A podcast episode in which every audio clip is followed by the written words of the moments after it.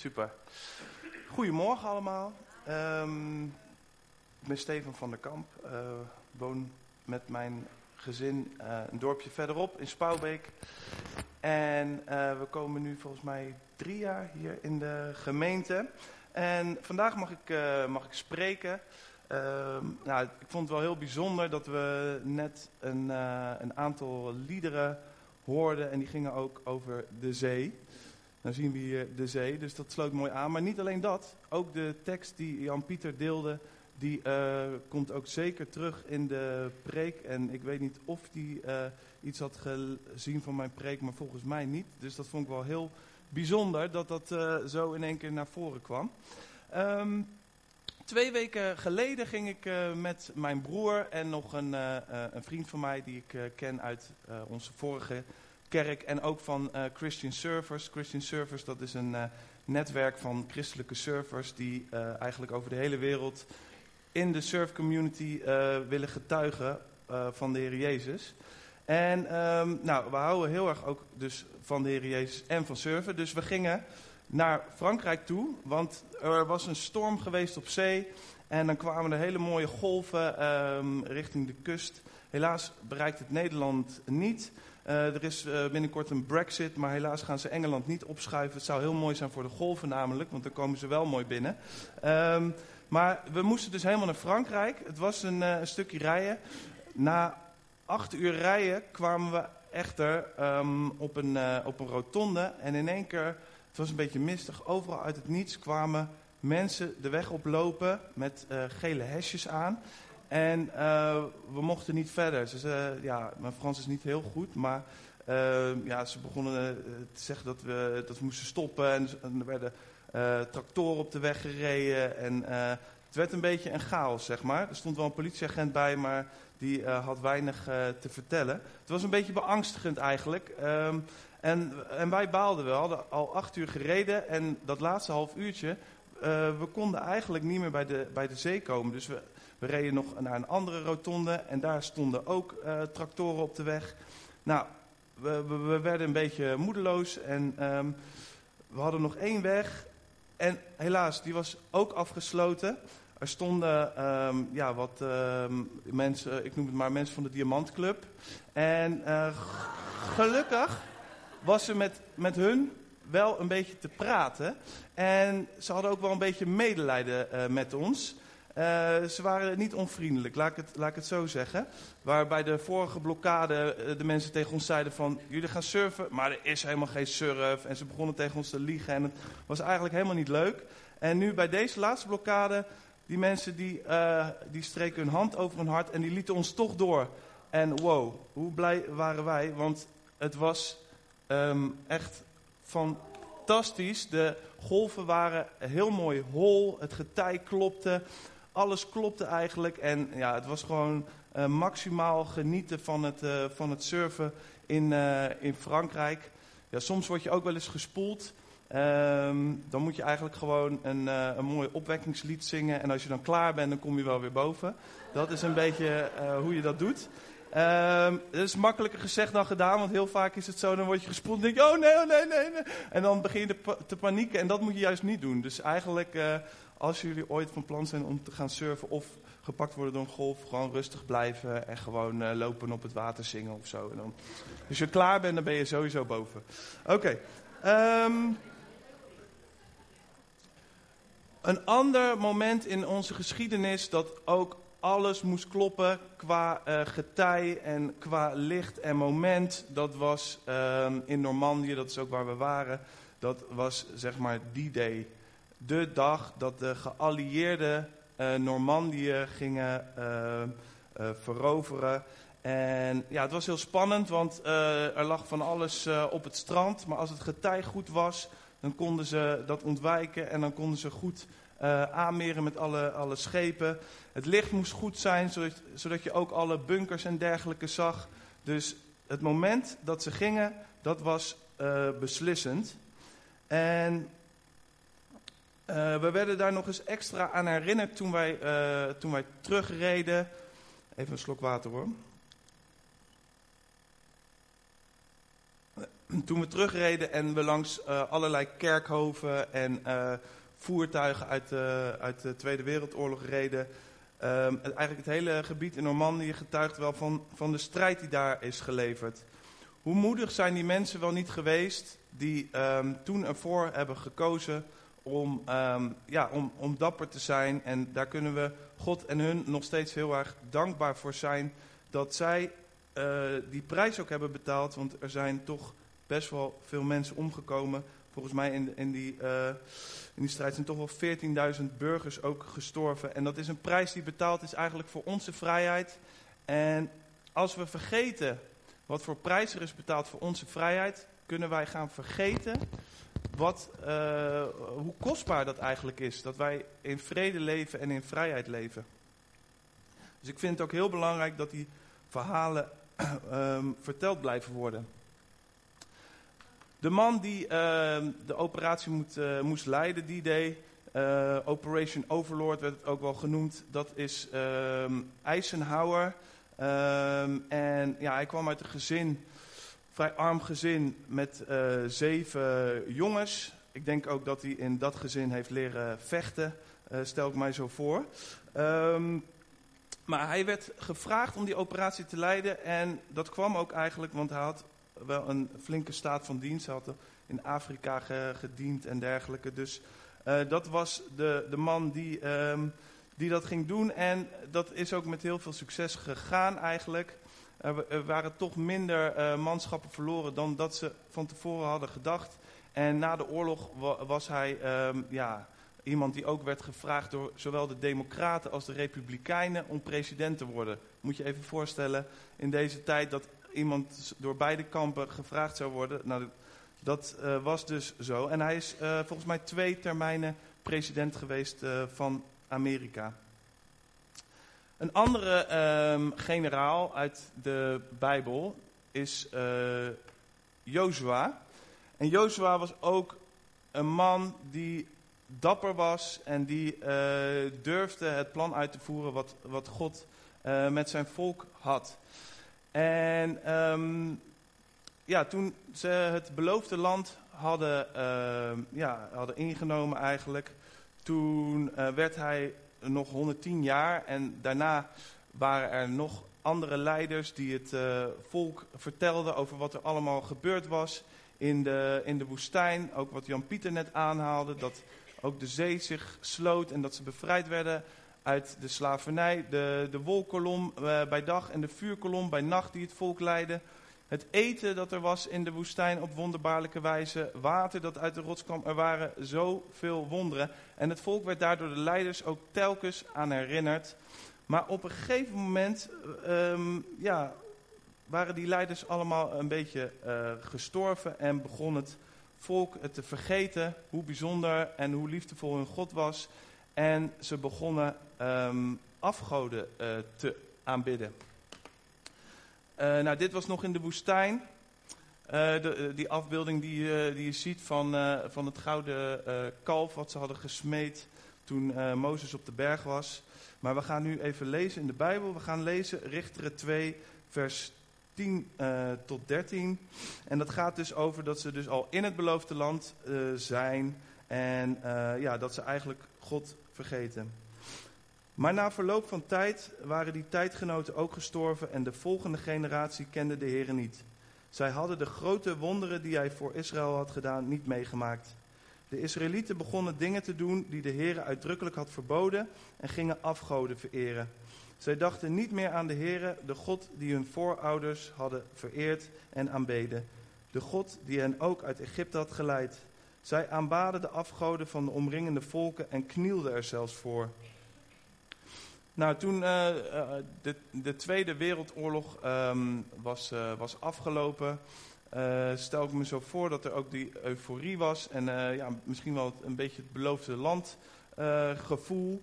de babyboom. Um, en maar er was ook een opkomst eigenlijk van een hoop afgoden. Wellicht niet gewoon die beelden op palen in de achtertuinen van mensen. Maar um, zo zichtbaar was het dan uh, niet. Maar er was kerkverlating. Veel mensen verlieten de kerk en begonnen eigenlijk een beetje ja, hun eigen eh, afgoden te maken. Ehm, om, een, om een voorbeeld te geven, in de Griekse mythologie had je hele duidelijke goden. Eh, ja, ik ben zelf klassiek geschoold en ik heb op school daar vakken over gehad. Maar je had bijvoorbeeld de god Eros en dat was voor de, voor de seksuele aantrekking en voor de, voor de passie. En ehm, ja, op het moment dat, uh, dat dat eigenlijk boven ehm, eh, de heiligheid van het huwelijk staat, ben je eigenlijk een, een afgod aan het vereren. Een heel praktisch voorbeeld daarvan, wellicht kennen jullie wel de reclame. Ik, ik rijd vaak s'avonds terug naar huis en dan hoor je op Radio 1 journaal, vraagt iemand of ik getrouwd ben en dan zegt een, een vrouwenstem op een verleidelijke manier van nou ik ook. En dat is dan reclame voor, voor Second Love. En um, ja, eigenlijk wat die reclame doet is eigenlijk Eros uh, vereren. Het is eigenlijk, um, ja, gewoon zeggen van, hé, hey, dit is het hoogste wat er is. Um, uh, luister hier naar, want ja, uh, iets, iets hogers dan, dan dat is er niet. Uiteindelijk zorgt dat ook voor heel veel slachtoffers. We kunnen wel met rare ogen kijken naar de afgoden die, um, die in de Bijbel werden vereerd. Waarin um, kinderen werden geofferd, bijvoorbeeld voor Baal. Uh, maar wat gebeurt er als je uh, een afgod vereert zoals uh, ze bij Second Love je voorstellen? Dat kost ook wat voor je kinderen. Dus oké, we, we, we, leggen ze niet op een altaar en dergelijke, maar bedenk je even in van zo, zo anders is het vandaag de dag ook weer niet. We hebben weer opnieuw afgoden gemaakt. En een afgod is eigenlijk ver af uh, van God. En God neemt geen genoegen met een tweede plaats. Hij is een liefdevolle koning. Hij zou ons bij wijze van spreken kunnen dwingen om hem te aanbidden, maar dat doet hij niet. Hij, uh, hij vraagt van ons eigenlijk echte liefde, dat wij gewoon zien hoe, hoe goed God is voor ons en dat wij hem daarvoor danken en aanbidden. Um, nou, het boek Richteren, uh, ook wel rechters uh, genoemd in de, in de nieuwe vertaling. Ik moet even een slokje nemen. Die um, vertelt eigenlijk over het volk van God, wat telkens van God afdwaalt. En God stuurt dan een, een richter, iemand die de mensen op God richt, om het uh, volk weer te verlossen van hun vijanden. We lezen Richteren 2, vers 14 tot en met 16. En toen werd de Heer boos op Israël. Ze hadden immers hem verlaten en Baal en de afgodsbeelden van Astarte aanbeden. Daarom leverde hij hen uit aan hun vijanden die hen leegplunderden. Zij waren niet langer tegen hen opgewassen. Telkens wanneer de Israëlieten optrokken tegen hun vijanden, liet de Heer hen het onderspit delven. Hij had hen hiervoor gewaarschuwd, ja zelfs gezworen dat hij dit zou doen. Maar elke keer als het volk het vreselijk zwaar te verduren kreeg, liet de Heere richters optreden die hen van hun vijanden verlosten. Uh, nou zijn er een aantal uh, richters eigenlijk in, uh, in Richteren. Ik ga ze niet allemaal uitvoerig behandelen vandaag. Um, je hebt bijvoorbeeld Otniel, Ehud, Samgar en Deborah. Daar zien jullie hier een, een afbeelding van. En Deborah is gewoon een ontzettend dappere vrouw. En zonder haar uh, wil het volk ook niet ten, strijde trekken. En toen ik dat las, moest ik ook gewoon heel erg denken aan een aantal vrouwen hier uit de gemeente. Die gewoon heel krachtig zijn en die ons richten, richten op God. En met hun in het team voel je je al meteen meer een overwinnaar. Dus dit wil ik even als bemoediging geven, dat het heel erg gezien wordt. Um, maar vandaag uh, wil ik het hebben over Gideon. Zeg maar die andere richters. Als je een sterke maag hebt, lees het vooral een keer. Maar het is een beetje oog om oog, tand om tand verhalen. En dan meer duim om duim. En nou, laat maar, dat moet je zelf maar een keer lezen als je een, een, een sterke maag hebt. Maar het is allemaal niet heel prettig. Um, vandaag ga ik het hebben over Gideon. En dan zeven lessen uh, die we van Gideon, het verhaal van Gideon kunnen leren. Niet dat er niet meer lessen te leren zijn, maar die sprongen er voor mij uit. En de eerste les is eigenlijk deze. Um, ik begin wel even met lezen. Richteren 6, vers 1. Maar de Israëlieten begonnen opnieuw andere goden te aanbidden. En daarom leverde de Heere hen uit aan hun vijanden. Deze keer waren dat de Midjanieten onder wie zij zeven jaar lang zwaar te lijden hadden, zodat de Israëlieten tot grote armoede werden gebracht. En dan eh, verder in vers 6. Eh, toen eindelijk riepen de Israëlieten God om hulp. Maar het antwoord dat de Heer hun via een profeet gaf luidde: Ik, de Heere, de God van Israël, heb u uit de slavernij in Egypte bevrijd. Ik heb u verlost van de Egyptenaren en alle andere vrede onderdrukkers en uw vijanden voor u verdreven en hun land aan u gegeven. Ik heb u gezegd, ik ben de Heere uw God, vereer de goden van de Amorieten die rondom u wonen niet, maar u hebt niet naar mij geluisterd. Ehm, ik heb even één moment nodig, want ik was deze week een beetje uh, ziek, zeg maar. Dus ik vond het nog uh, spannend of ik mijn stem zou behouden, maar ik moet heel even mijn neus snuiten, dus misschien dat je het geluid iets zachter kan doen. Anders is het net uh, of er een olifant door de zaal komt. Oké. Oké, bedankt. Even een slokje water. Het is uh, voorbij. nou, de eerste les is... Een 1-1-2 relatie met God is bijna geen relatie met God. Het volk van God heeft eigenlijk een 1-1-2 relatie met God. Pas als ze in de complete problemen zitten, uh, vragen ze God om hulp. Ik geef even een uh, voorbeeld waarom dat niet de manier is waar, ja, dat je het beste tot je recht komt. Laatst was ik in Frankrijk voor werk en um, ik reed uh, door kleine dorpjes heen en op een gegeven moment kwam ik in een dorpje aan. En midden op de weg lag daar een vrouw helemaal in het bloed. En nou, ik schrok natuurlijk, dus um, ik stapte uit en ik ging naar haar toe. En ja, ik, ik wist even echt niet meer wat ik moest doen. Uh, mijn EHBO was uh, heel lang geleden dat ik dat voor het laatst had gehad. En uh, ik had het niet meer geoefend of ik had niks meer erover gelezen. En mijn Frans was ook redelijk weggezakt. Ik wist het even niet meer. Het enige wat ik kon doen was schreeuwen, help, help, help. En ja, nou ja, uiteindelijk is het wel goed gekomen met wat babydoekjes die iemand kwam brengen. En nou goed, ik ga je verder de details besparen. Uh, die vrouw die kwam uiteindelijk weer bij. Die was uh, van de stoeprand afgevallen op de hoofd. En waarschijnlijk uh, dat het er heel heftig uitzag. Maar dat het allemaal wel, wel meeviel. maar bedenk je even dit. Op het moment dat je je EHBO gewoon regelmatig oefent. En je daar vaker naar een cursus gaat. Bij ons in het dorp heb je bijvoorbeeld EHBO-cursus. Gewoon eens in de, in de week ga je weer wat oefenen met elkaar en je krijgt zo'n situatie, dan kan je meteen handelen en dan weet je gewoon meteen wat je moet doen. Ik heb uh, daarna ook weer een EHBO-cursus gehad en ik, en ik heb dingen eigenlijk geleerd die op dat moment me, mijn leven hadden kunnen redden. In de zin van, um, ja, bijvoorbeeld dat je mond-op-mond beademing, dat je dat eigenlijk bij een bebloed persoon niet zozeer moet doen, maar altijd even moet bedekken. En, oh, misschien hele simpele dingen en denken jullie van, hé, hey, uh, waarom weet je dat niet? Maar dat was dus bij mij weggezakt.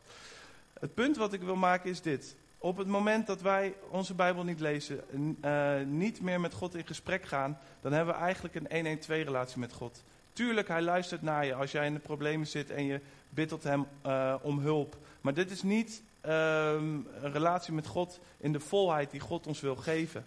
God wil ons zoveel meer geven en dat kan alleen als wij ook bezig zijn uh, met uh, hoe God is. En dat lezen we in de Bijbel. Dat kunnen we ervaren door met onze mede-christenen uh, ja, over onze ervaringen eh, te delen. En daar wil ik jullie ook allemaal in bemoedigen om dat zeker te doen.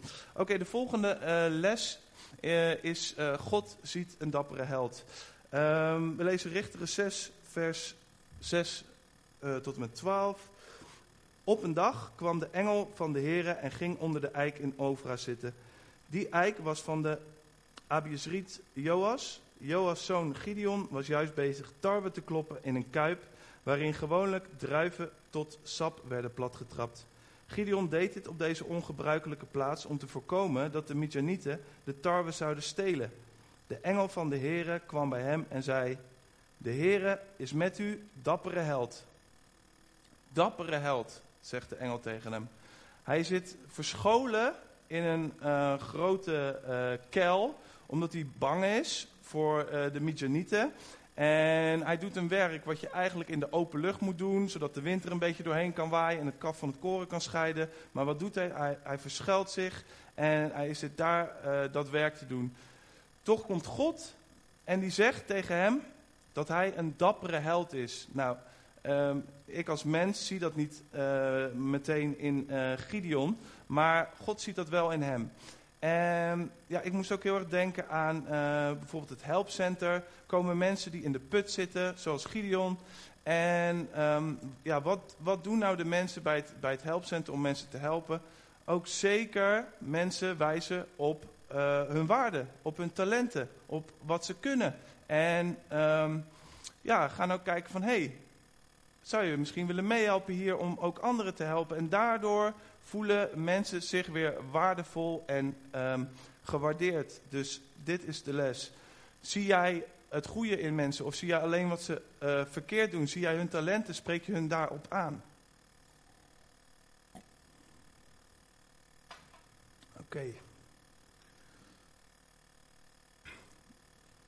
Les 3. Gideon twijfelt een beetje. Het is een beetje een twijfelaar.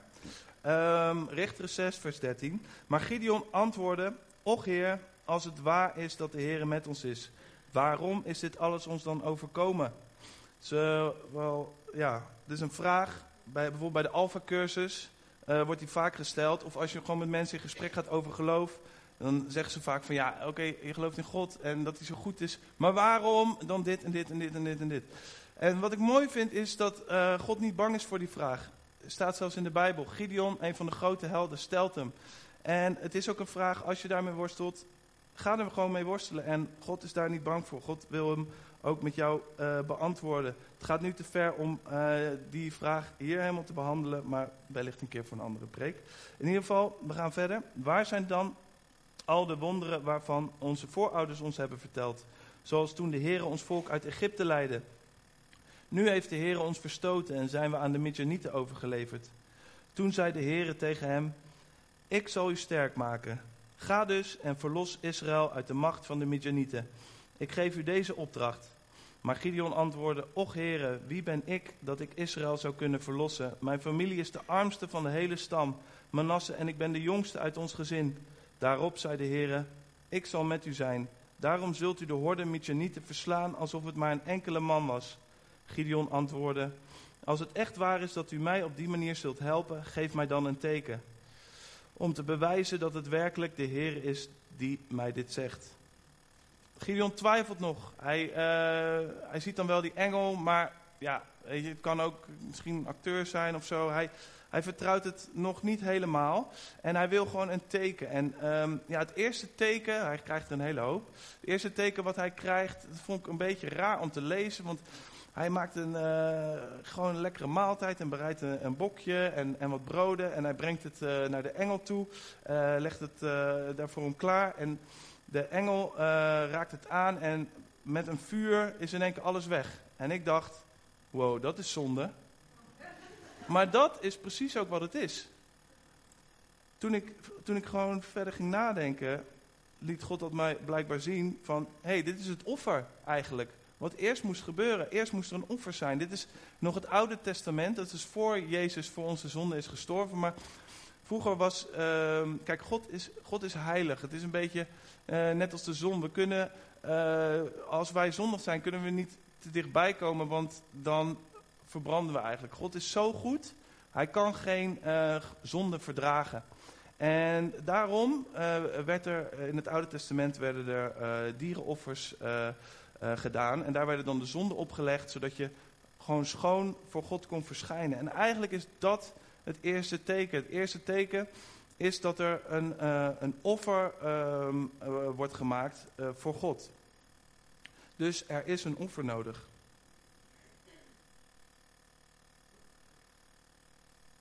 En dat het offer nodig is, dat blijkt wel als we kijken wat voor een uh, altaar er uh, stond in de uh, tuin van uh, het gezin van Gideon. Tenminste, hij woonde volgens mij bij zijn vader. er stond een, een altaar voor Baal. En God zegt dan ook tegen Gideon van, we gaan dat altaar afbreken. Dat, ja, dat, God kan dat niet verdragen, dat, dat we andere goden eh, vereren. Dus God zegt weg met de afgoden. Nou, ehm, Gideon is nog steeds een beetje bang, dus hij doet het s'nachts. eh met een aantal eh, kameraden breken ze eh, samen met een, met, een, met een os het altaar af van Baal. En de volgende dag horen de mensen in de stad wat er is gebeurd. En ze zijn woedend. Ze willen Gideon dood hebben. Dus ze gaan naar het huis van Joas, de vader van, eh, van Gideon. En ehm, ja, ze, ze willen zijn zoon hebben. En de vader, de vader van Gideon is eigenlijk heel slim. Hij zegt, wat een belediging voor Baal dat jullie eh, hem willen vermoorden. Kan Baal dat zelf niet oplossen?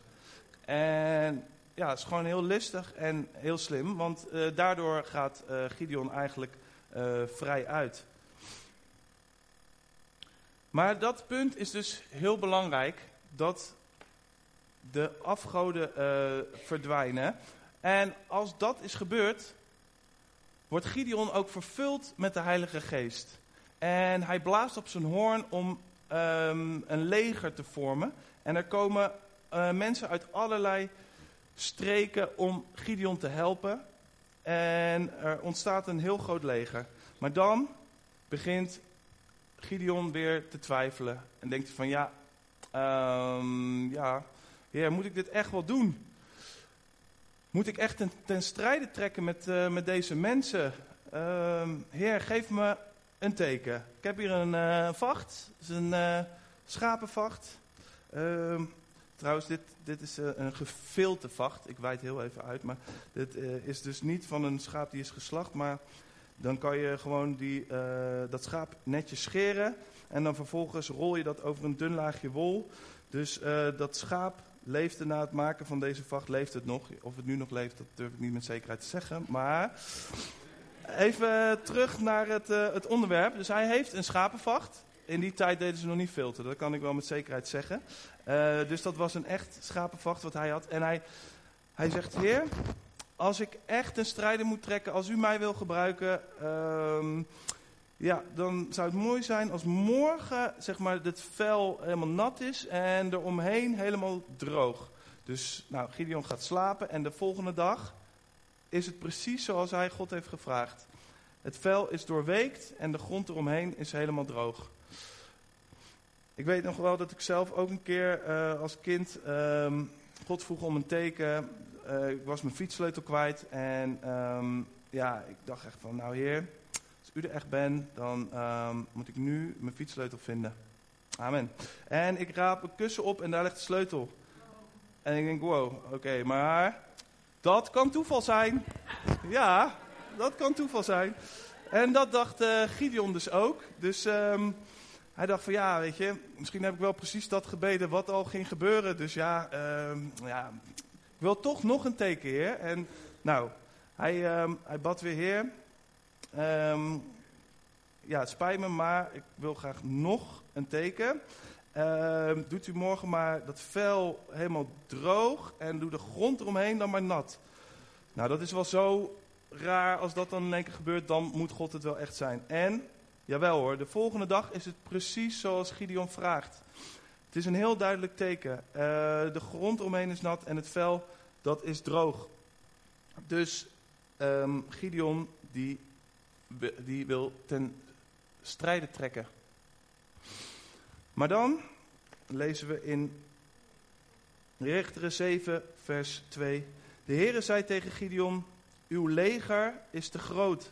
Ik wil u niet allemaal tegen de Midjanieten laten vechten, want anders zouden de Israëlieten wel eens de eer van de overwinning voor zichzelf kunnen opeisen en denken dat zij zichzelf hebben bevrijd. Zeg maar tegen het volk, wie bang is, mag naar huis gaan. En toen gingen 22.000 mannen naar huis terug. En er bleven slechts 10.000 over die bereid waren te vechten. Maar de Heere zei tegen Gideon: Het zijn er nog steeds te veel. Laat hen naar het water gaan. En daar zal ik u laten zien wie met u zal meegaan en wie niet. Toen ging Gideon met zijn mannen naar het water. Even kijken. Naar het water. En de Heere zei tegen hem: Verdeel hen in twee groepen op grond van de manier waarop zij water drinken. De ene groep zijn de mannen die het opslurpen als een hond. En tot de andere groep behoort ieder die op de knieën gaat liggen om direct met zijn mond uit het water te drinken. Slechts 300 mannen dronken uit hun handen.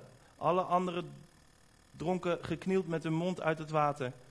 Ik zal de Midjanieten verslaan met deze 300 man, zei de Heer tegen Gideon. Stuur alle anderen naar huis. Wow. Moet je even voorstellen dat ehm, de, de mannen klaarstaan om uh, Normandië binnen te vallen. En Eisenhower die krijgt door van nou, ehm, zeg maar dat wie bang is naar huis mag. En uh, vervolgens dat je nog wel een aardig leger overhoudt. Maar dat hij dan zegt van nou, uh, we gaan nog eens een keertje kijken. En dat je nog maar een fractie overhoudt van het grote leger dat je had.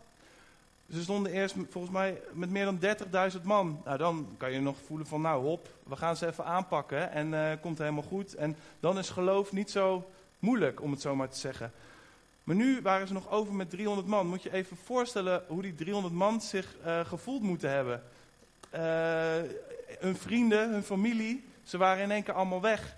En ze stonden daar en ze moesten puur en alleen op God vertrouwen. Want zelf konden ze dat nooit en te nimmer bewerkstelligen. De les hieruit is: God kan met een kleine groep mensen een grote overwinning behalen. Nog één slok en nog één teken. God kent Gideon. En hoewel God al zoveel tekenen heeft gegeven aan Gideon, um, weet hij van, nou, God, Gideon kan nog wel een teken gebruiken. En hij zegt, luister, als je uh, zeker wil weten, ga dan naar het kamp van de Midjanieten en dan zul je het horen. Dus uh, Gideon gaat met uh, zijn knecht Pura naar het kamp van de Midjanieten. En hij komt daar en hij hoort twee soldaten met elkaar praten. En één soldaat zegt tegen de andere soldaat: Nou, luister, ik had toch zo'n droom. Ik droomde dat er een gerstebrood uh, tentenkamp inrolde en tegen een tent aankwam. En die tent die viel helemaal om.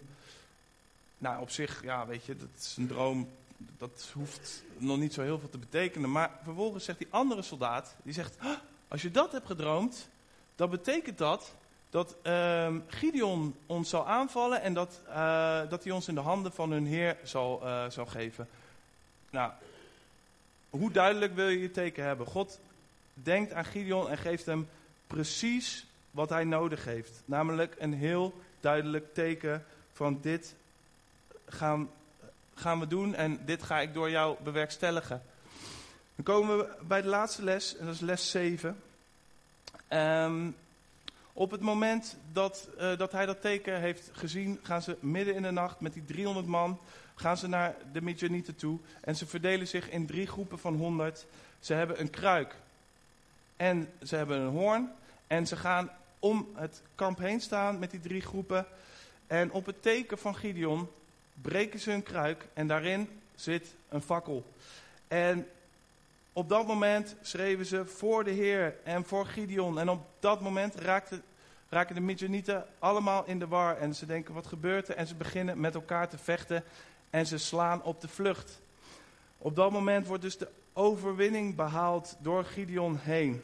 En dat moment van die kruik breken, dat, dat kwam heel sterk bij mij naar voren. Van, dat is gewoon een moment wat wij allemaal moeten doen in ons leven. Wij moeten onze kruik breken en ons licht laten schijnen, waar we ook zijn. Hoeveel tegenstand er misschien ook is, als wij onze kruik breken en ons licht laten schijnen, dan wil de Heer door ons werken. Ja, er zal verwarring zijn, maar de Heer wil op zo'n manier overwinners zijn door ons heen. Als wij met veel zijn, wil de Heer dat ook doen. Maar hoe mooi is het dat de Heer dus door een kleine groep een overwinning kan behalen. Um, ik heb nu de zeven lessen uh, benoemd. Ik ga ze nog een keer herhalen. Eventueel kan uh, uh, de band weer um, op het podium komen. les 1 was van waak ervoor dat onze relatie met God geen 1-1-2 relatie is. En ik heb er even een bijbeltekst bij gehaald uit uh, Thessalonicense. Wat er ook gebeurt, dank altijd God, want hij wil dat u als christenen zo leeft. Les 2 is, God, God spreekt je aan op jouw talent en hij ziet het goede in jou. Hij heeft jou immers gemaakt en hij kent jou het beste. Wijzen wij mensen eerder op hun fouten of spreken wij hun aan op hun talenten? De derde les was: voor verzoening met God is een offer nodig. In Gideon zijn tijd was het nog een dier, maar nu is de prijs betaald. Jezus is het offer voor ons en als wij dat offer aannemen, kunnen wij bij God komen. Daar kunnen wij gewoon Jezus voor danken.